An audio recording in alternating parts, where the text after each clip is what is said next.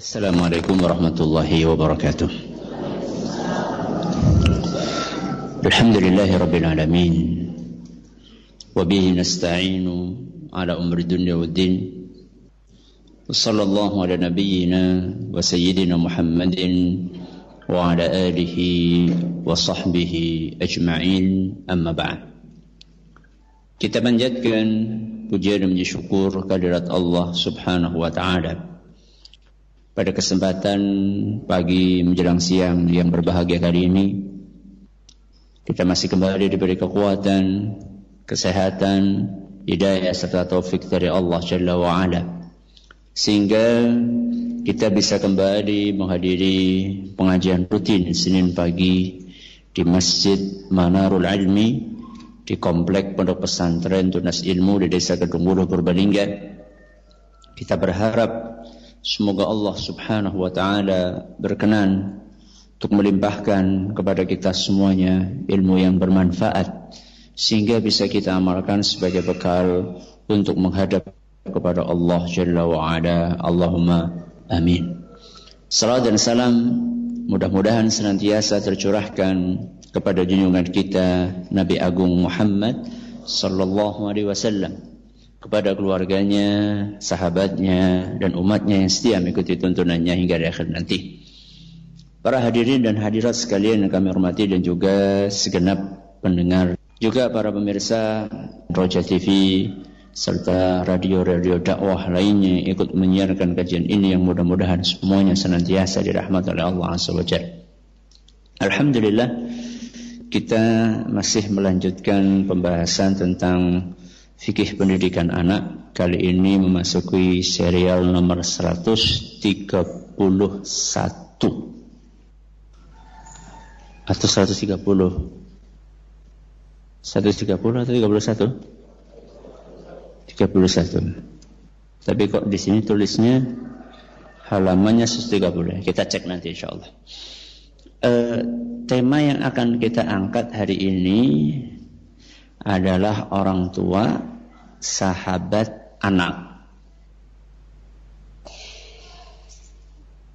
Mungkinkah orang tua menjadi sahabat untuk anaknya? Selama ini orang tua berposisi sebagai bapak dan sebagai ibu.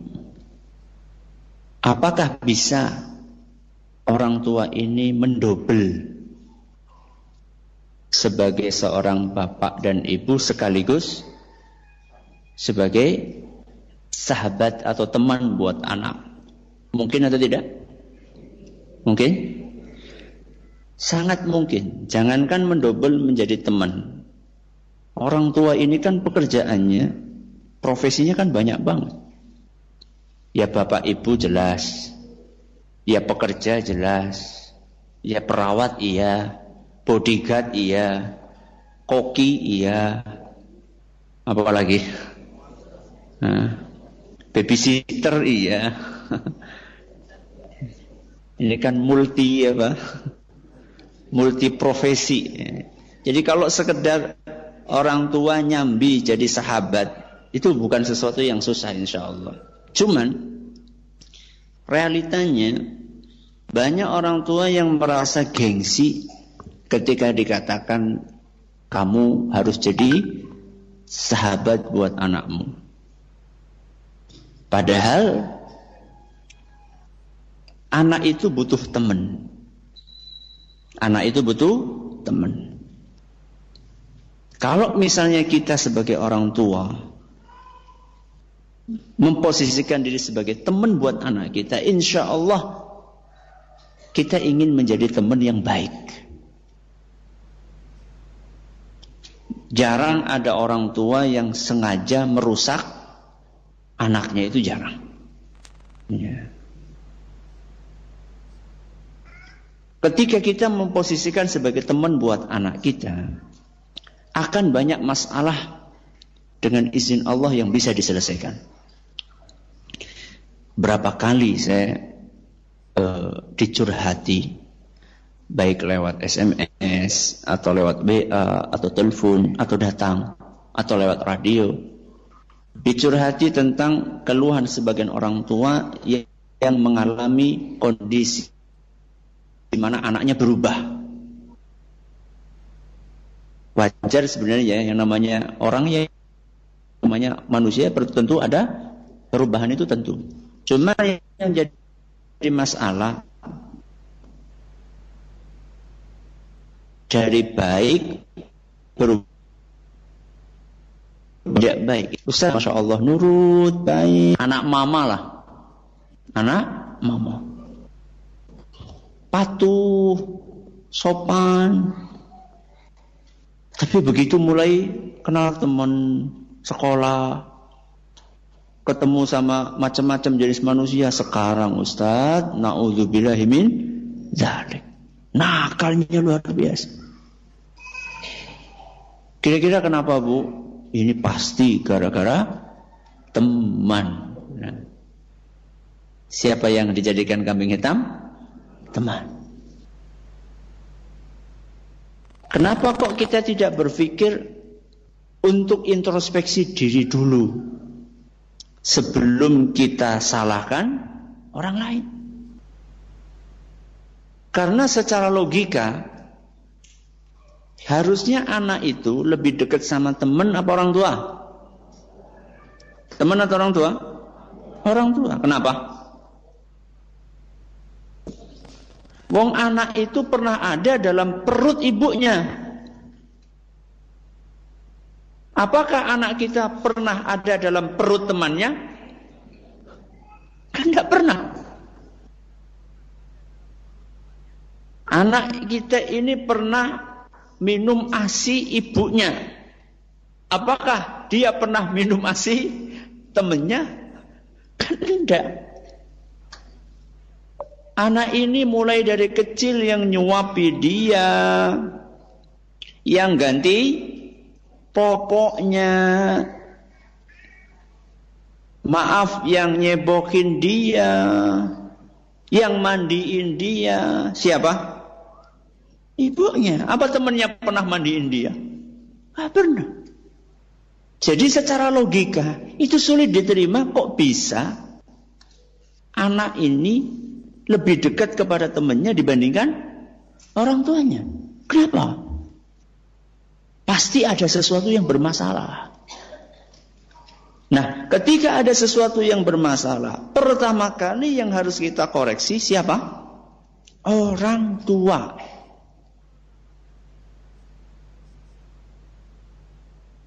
Ya wajar kalau misalnya anak kita ini lebih dekat dengan teman-temannya karena teman-temannya itu nyaman untuk dijadikan sebagai teman ngobrol.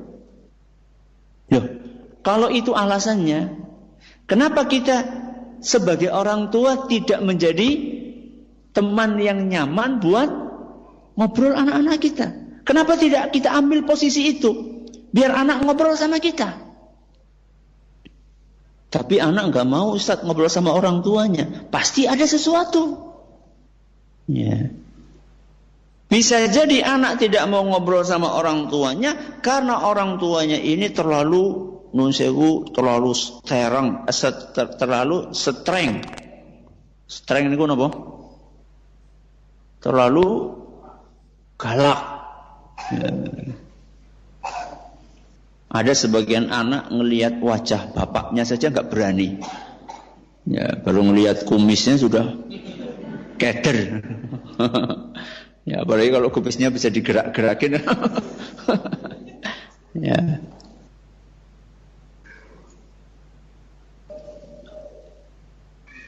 Masa Ustadz, mungkin kita ini bapak, ibu, masa jadi teman gimana sih Ustadz? Nanti ya harga diri kita akan Jatuh nanti Ustaz. Gimana?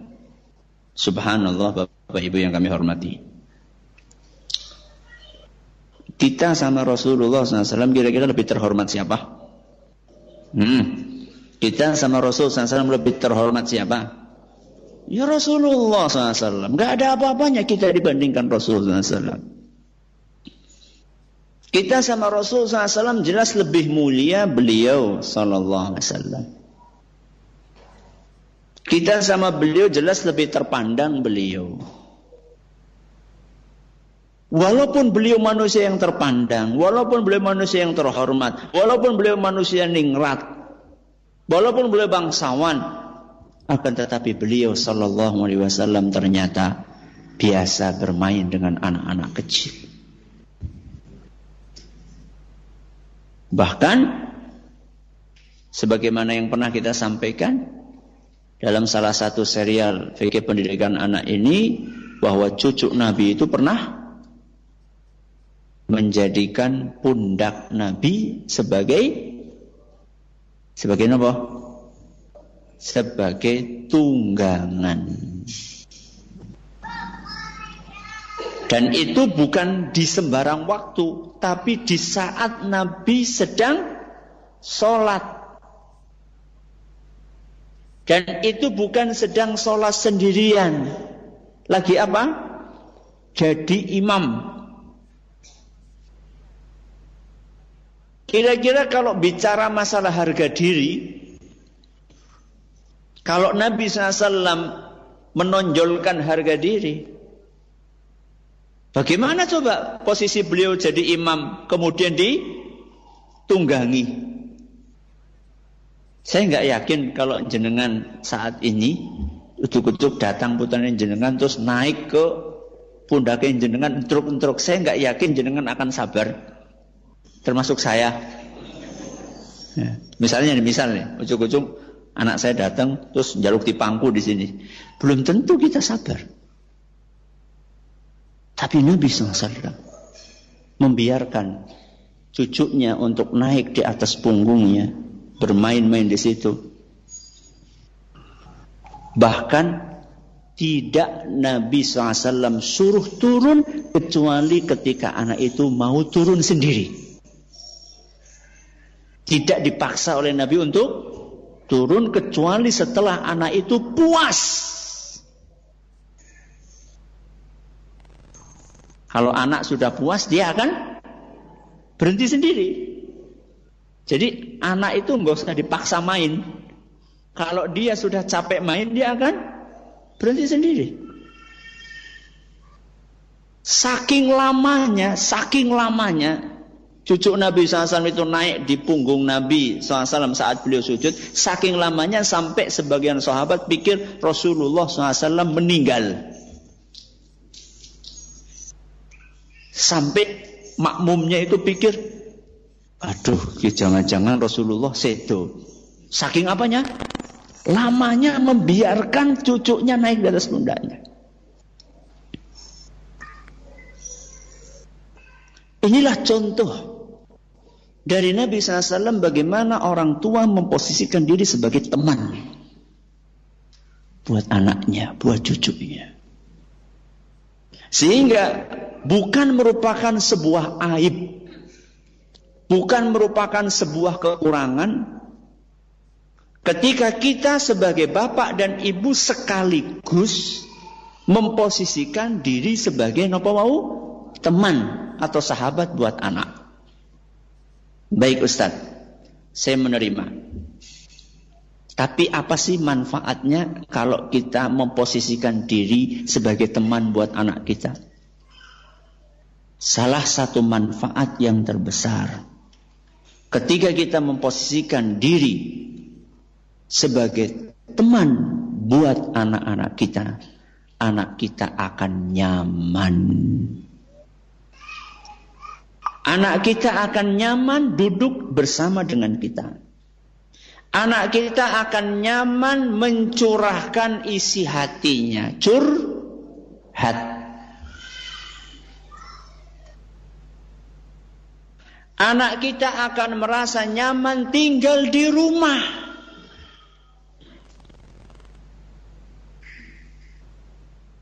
Sehingga tanpa kita panggil-panggil supaya pulang ke rumah, dia akan pulang dengan sendirinya ke rumah karena dia merasa di rumah rasanya nyaman.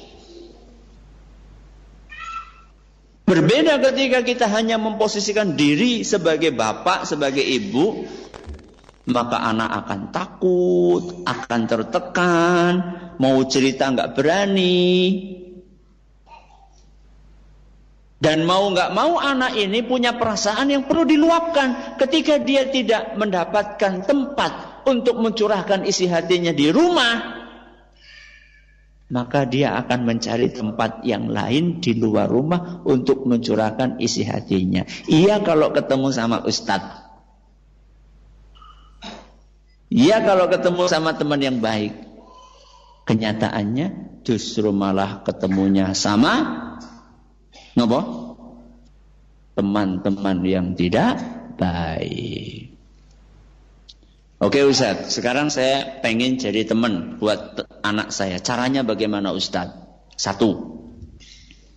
Yang pertama caranya adalah istri menjadi teman buat suami. Loh, wong ini mau jadi teman buat anak kok malah istri jadi teman buat suami. Kita mulai dulu dari orang tuanya. Ya. Bagaimana istri atau ibu akan menjadi teman buat anaknya kalau dia tidak bisa jadi teman buat suaminya? Maksudnya bagaimana Ustadz? Istri menjadi teman buat suami. Maksudnya sering-seringlah kita untuk ngobrol. Untuk diskusi untuk bicara dari hati ke hati dengan pasangan kita. Menyamakan visi misi. Apa gue visi misi? Visi itu tujuan, misi itu sarana untuk mencapai tujuan. Suami ngobrol sama istrinya, dek gimana perkembangan anak kita? Ketika pulang dari kerja, gimana hari ini anak kita sholatnya, ketika bapak membawa anaknya pergi keluar, dibawa ke pengajian, ibunya mungkin nggak bisa berangkat, ketika bapaknya pulang, ibunya nanya, gimana tadi mas, anak kita di pengajian, mendengarkan atau mainan, ya. Ini namanya memposisikan pasangan sebagai sahabat. Nun sewu, kelihatannya teorinya mudah. Tapi ternyata prakteknya tidak semudah yang dibayangkan. Banyak suami istri kalau sudah masuk rumah kayak kuburan. Saking apa nih? Saking sepi nih. Ya apa maning loro-lorone pada-pada menengan Masya Allah. Ya. Kan kadang-kadang kan subhanallah ya, pasangan itu kan macam-macam ge. Ada yang laki-laki pendiam, istrinya apa? Cerewet. Banyak ngomong. Ada sebaliknya. Ada sebaliknya Istrinya yang pendiam, suaminya yang cewek. Ada yang Masya Allah loro-lorone cerewet. Dan ada pula yang dua-duanya pendiam. Kuburan ngomah gue. Ya, diam. Apalagi sekarang zamannya ada HP. Wah, wis. Sama-sama sibuk dengan HP-nya. Ya.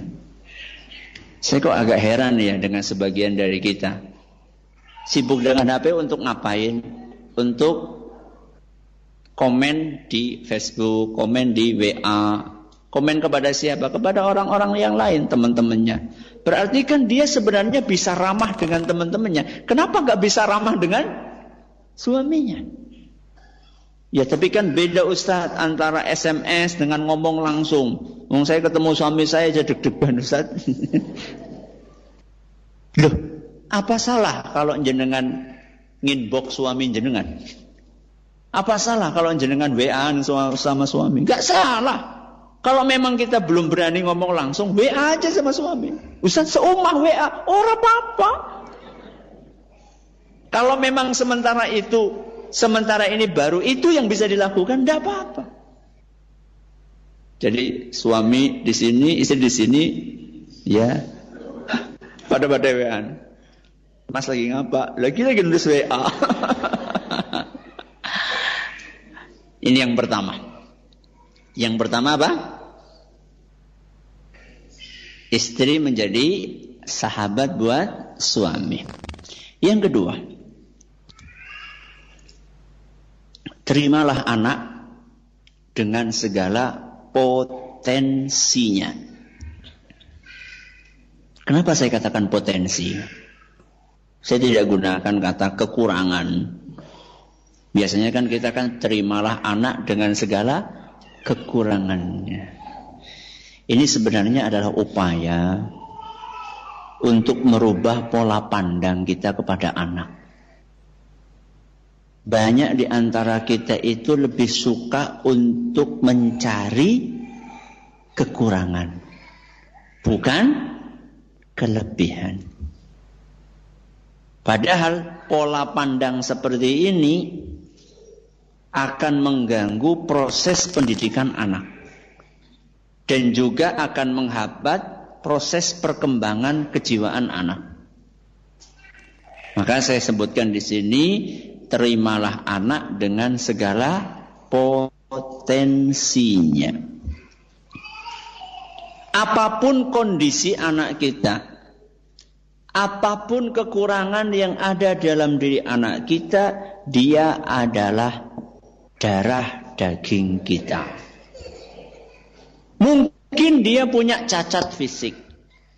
Mungkin dia punya keterbelakangan mental, tapi dia adalah buah hati kita.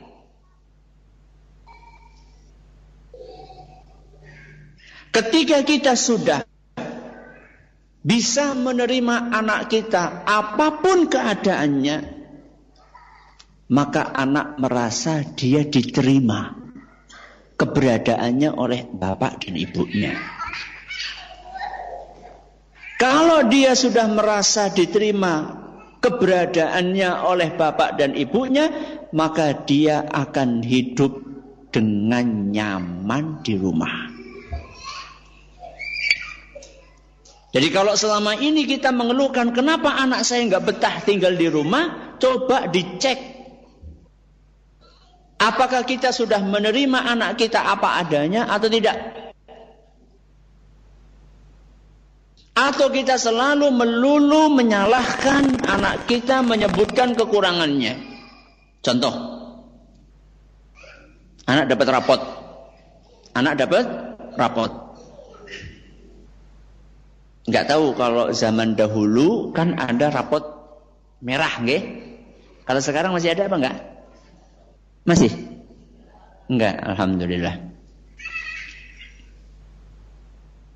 Biasanya orang tua itu kalau melihat rapot saat masih ada warna merah, yang pertama kali dilihat yang warnanya apa?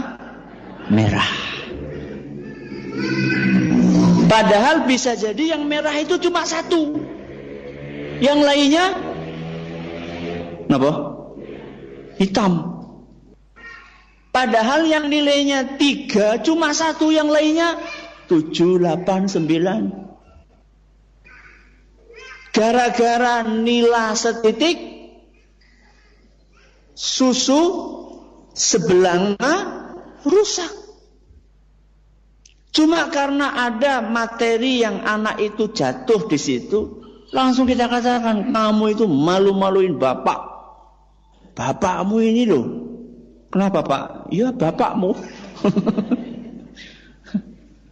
bapakmu ini dari dulu nggak pernah seperti ini. Kamu ini malu-maluin. Malu-maluin keluarga besar kita. Sing jeleng siapa? Siapa yang melihat? Besoknya lagi anak apa gitu. Kamu nih malu-maluin. Kamu selalu setiap hari kamu malu-maluin. Akhirnya apa yang terjadi? Anak berontak. Ya. Dan pernah ada kejadian anak lari milih untuk menjadi anak jalanan. Ketika dicari-cari, ketika dikorek-korek, kenapa? Kata dia, saya selalu dikatakan sama bapak dan ibu saya malu-maluin. Saya sekarang ingin betul-betul membuat orang tua saya malu. Biar semua orang tahu bahwa saya anak jalanan, anaknya Pak Anu dan Bu Anu. Tuh, lihat. Ya. Maka ketika kita sulit menerima kondisi anak kita, kembalikan bahwa ini anugerah dari siapa? Allah.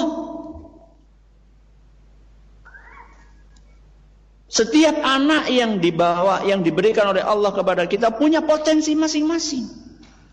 Iya, tapi Ustadz kan perilaku anak saya memang nggak baik Ustadz. Baik, oke okay lah. Sekarang anak kita perilaku menurut jenengan lebih efektif mana? Anak yang perilakunya tidak baik berada di rumah atau di luar rumah? Lebih efektif mana untuk kita perbaiki? Anak itu berada di dalam rumah atau di luar rumah? Di dalam rumah. Walaupun anak kita punya, maaf mungkin sudah mulai kenal dengan rokok misalnya. Mungkin bahkan sudah naudzubillah min dzalik mulai kenal dengan maaf pornografi. Mungkin anak kita sudah mulai kenal dengan lawan jenis pacaran. Berarti kan anak kita bermasalah. Nah ketika anak kita bermasalah, kita kan pengen anak ini benar baik lagi gitu kan. Kira-kira lebih efektif mana kalau anak ini tetap di rumah atau di luar rumah? Tetap di rumah. Kalau anak ini sudah kandung pergi dari rumah, Masya Allah, Tabarakallah. Lebih sulit untuk memperbaiki. Anasir-anasir pengaruh-pengaruh dari luar itu lebih banyak. Lebih sulit kita memperbaikinya. Maka apa pun kekurangan anak kita, keberadaan dia di dalam rumah, insya Allah akan lebih mudah membantu kita untuk bisa memperbaikinya. Nah, terus bagaimana supaya anak ini tetap di rumah? Apakah kita kunci jendelanya, pintunya, digembok, Kuncinya kita bawa ke mana-mana. Apakah seperti itu caranya? Bukan. Caranya tadi. Jadilah teman buat siapa? Anak kita.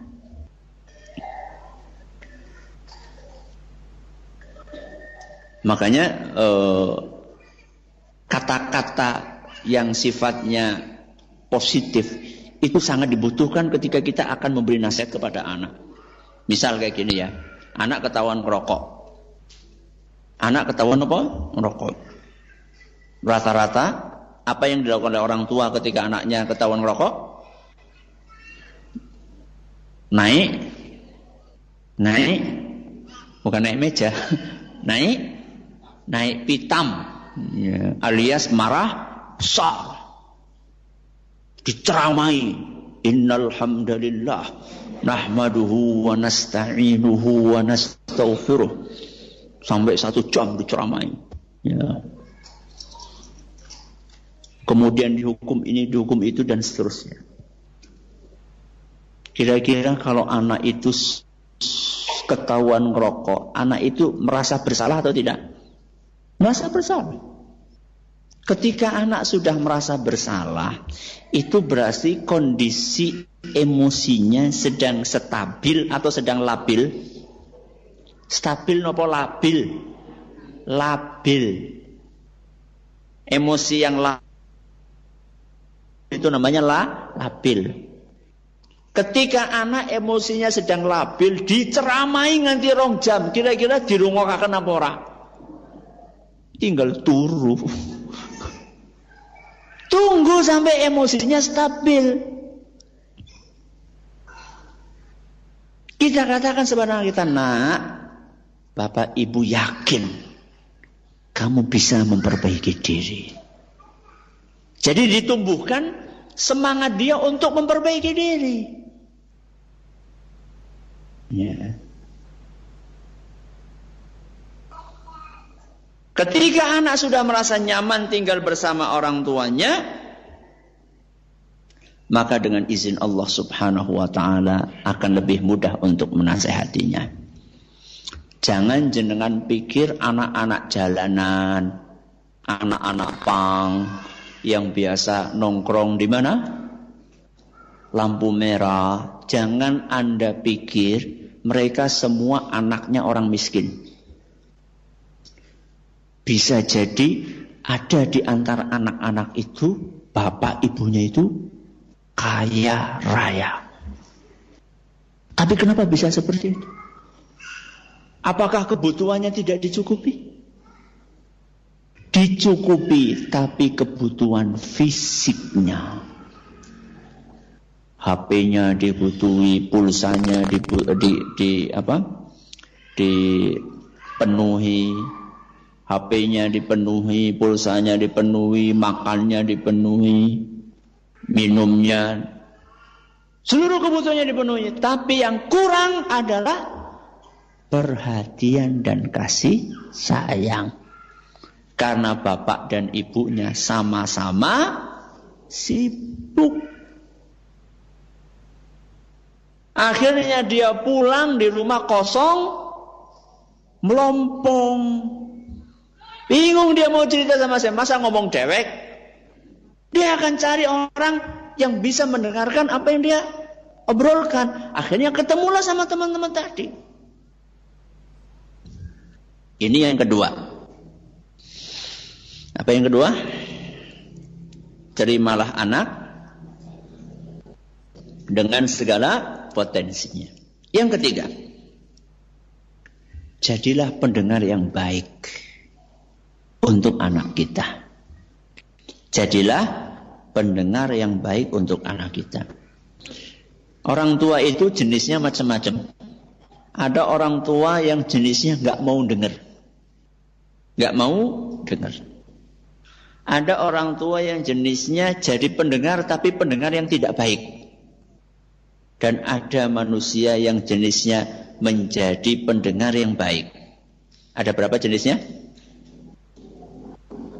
Iki ngitung napa mboten sih? Ada berapa jenisnya? Ada tiga. Apa yang pertama? Tidak mau mendengar. Yang kedua, pendengar yang tidak baik. Yang ketiga, pendengar yang baik. Jenengan sing pundi? Ngakune pendengar yang baik. Ngakune lo ya. Coba kita buktikan sekarang, jenengan pendengar yang baik apa ngobrol? Ada sebagian orang tua dia pen, tidak mau mendengar dari anaknya. Tidak mau mendengar dari anaknya. Anaknya mau ngomong dikit, berisik-berisik. Ya. Ada orang tua yang jadi pendengar tapi bukan pendengar yang baik. Anaknya cerita panjang lebar. Orang tuanya nyekel apa? HP. Begitu selesai cerita panjang lebar, bapaknya nanya, nak kamu tadi cerita apa? Astagfirullah. Mulutnya sudah berbusa-busa cerita, ternyata cerita apa mau? Ini pendengar yang tidak baik. Nah, yang ideal adalah pendengar yang baik. Pendengar yang baik itu seperti apa? Pendengar yang baik itu adalah pendengar yang telaten dan sabar. Napa? Telaten dan sabar. Telaten untuk mendengarkan cerita dari anak. Walaupun kadang-kadang kita agak sulit mencerna apa maksud dari cerita anak kita. Kadang-kadang kan kalau anak kita cerita kan kisi maksudnya kepriwe ya. Dan gak perlu kita katakan kok sih cerita apa mudeng temen. gak perlu kayak gitu. Ya. Karena ketika kita telaten, kita dengerin, sabar di tengah-tengah kesibukan kita, maka anak akan merasa dihargai. Orang yang merasa dihargai, dia akan menghargai. Kalau jenengan ingin dihargai sama anak, maka hargailah anak. Kalau jenengan ingin ingin didengarkan sama anak, maka dengarkanlah anak. Ya. Yeah. Jadi cirinya orang tua yang pendengar baik itu adalah yang telaten dan apa wau sabar. Kemudian pendengar yang baik itu dia akan respon. Jadi dia anaknya cerita ketika dia agak berhenti sedikit kita respon, kita tanya. Ya.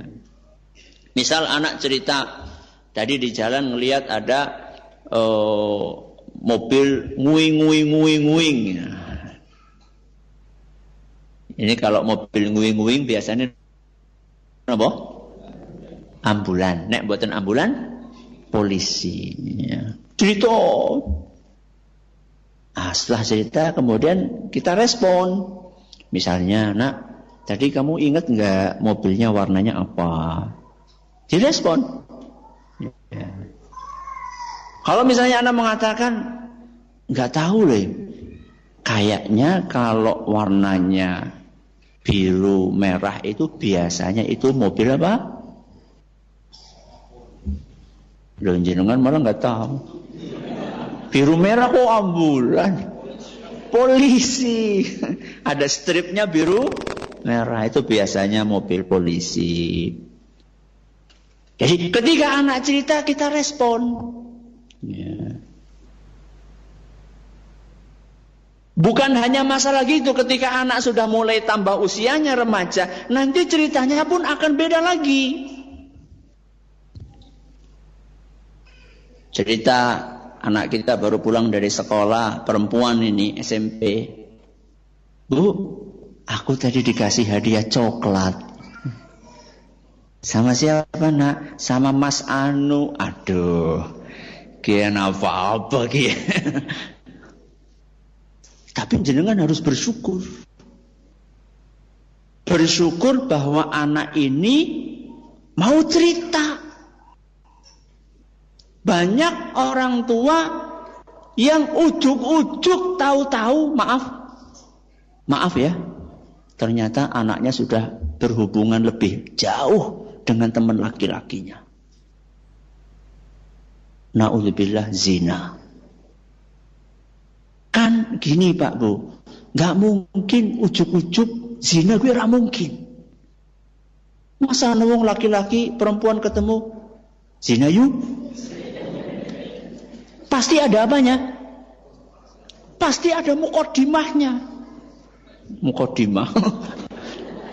Pendahuluan maksudnya. Pasti kan ada ketemu, ngobrol, janjian apa. Nah, mumpung ini belum sampai ke sana, baru dikasih nopo mau coklat. Ini kesempatan kita untuk ngajak anak kita ngobrol. Nah, kenapa ya uh, namanya siapa misalnya? Kenapa misalnya Dewi misalnya? Kenapa Dewi kok bisa? Ya, eh, oh iya yang ngasih siapa? Yang ngasih siapa? Oh, yang ngasih uh, siapa misalnya namanya? Uh, misalnya yang ngasih Agus misalnya. Misal ya. Dia orang sengaja loh. misalnya ngasih Mas Agus. Ya. Oh iya ya. Dia anu baik ya? Iya baik. Baiknya sama siapa? Ya sama Dewi aja. Oh. Di hati kita, oh ini modus ini. Tapi kita ajak anak itu ngobrol. Kenapa bisa demikian? Ya. Apakah kira-kira ada motivasi yang lain? Nah, pelan-pelan anak ini kita arahkan. Ya. Bahwa orang itu ada yang baik, ada yang tidak baik. Bahwa di dalam agama kita hubungan antara laki-laki dengan perempuan itu ada batasan-batasannya. Inilah yang namanya dialog. Inilah yang namanya dialog. Ini mungkin baru sampai di sini ya. Ini masih ada lanjutannya. Ini baru bagian pertama. Insya Allah kita akan lanjutkan pada pertemuan berikutnya. Masih ada sisa waktu sedikit. Silahkan kalau ada yang mau bertanya bisa disampaikan pertanyaannya. Nah, baik Ustaz, terima kasih atas penyampaian materi yang disampaikan di kesempatan pagi menjelang siang ini yang sangat bermanfaat berkenan dengan silsilah fikih pendidikan anak nomor 131 orang tua sahabat anak bagian pertama. Baik Ustaz, kita akan bacakan pertanyaan pertama. Assalamualaikum Ustaz. Waalaikumsalam warahmatullahi wabarakatuh.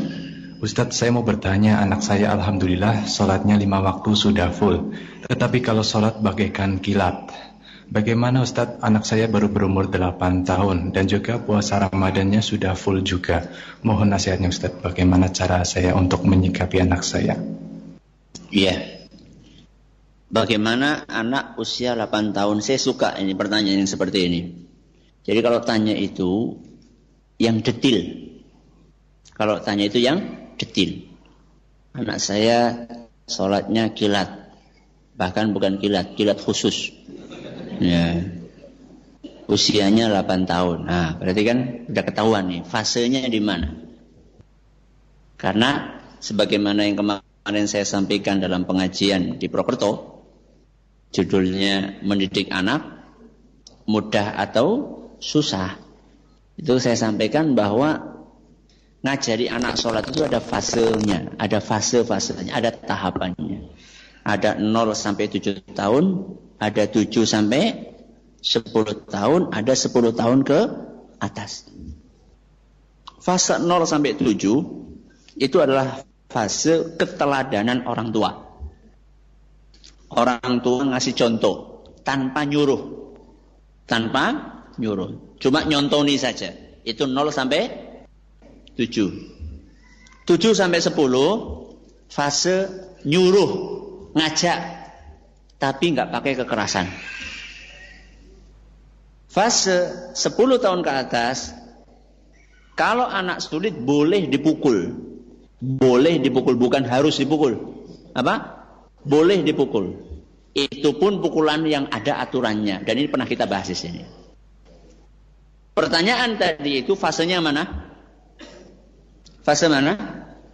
7 sampai 10 karena usianya baru 8 tahun. Maka Anak ini sudah sholat, alhamdulillah.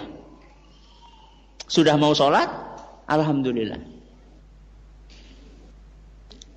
Berarti satu kemajuan buat anak karena dia sudah mau sholat.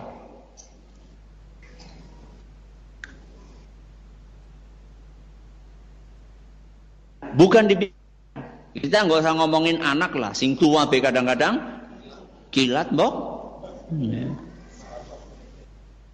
Anak ini bukan dibiarkan, bukan. Tapi diberikan arahan. Diberikan arahan. Salat ini adalah proses kita sedang uh, beribadah kepada Allah. Allah itu adalah yang ngasih kita segala sesuatu. Kamu bisa berpikir, kamu bisa melihat, kamu bisa mendengar, kamu bisa makan, kamu bisa minum. Itu yang ngasih semuanya adalah Allah. Kira-kira kalau kita berhadapan sama yang ngasih kita segala sesuatu, kira-kira pantas nggak kalau kita asal-asalan? Diajak anak untuk berpikir. Dan tidak harus begitu dinasehati langsung berubah, nggak harus. Ya. Syukur-syukur seperti itu. Tapi orang berubah itu biasanya pakai pro proses. Maka seandainya ada perubahan, sekecil apa pun perubahannya hargai. Misal, biasanya sholatnya rong menit. Setelah dinasehati jadi loro setengah menit. Berarti ada perkembangan berapa? Setengah menit hargai. Jadi jangan karpe rong menit langsung rong puluh menit. Oh. Kuita jenengan biora. Ya. Penghargaan itulah yang kemudian akan dengan izin Allah memotivasi dia untuk semakin baik lagi, baik lagi, baik lagi. Intinya, anak usia 8 tahun itu sebenarnya ketika dia sudah diajak sholat, kemudian dia tidak sholat, kita nggak dosa. Yang penting kita nopo ngajak. Apalagi dia mau sholat, tapi ada kekurangannya. Nah, kekurangan itu yang kita sempurnakan. Ini kita lagi bicara usia 7 sampai berapa? 10. Kalau udah 10 tahun ke atas nanti lain lagi ceritanya. Wallahu a'lam bishawab. Waktunya sudah habis. Terima kasih atas perhatiannya, mohon atas segala kurangannya. Kita tutup dengan membaca doa kafaratul majlis. Subhanakallahumma wa bihamdika asyhadu an la ilaha illa anta astaghfiruka wa atubu ilaik. Assalamualaikum warahmatullahi wabarakatuh.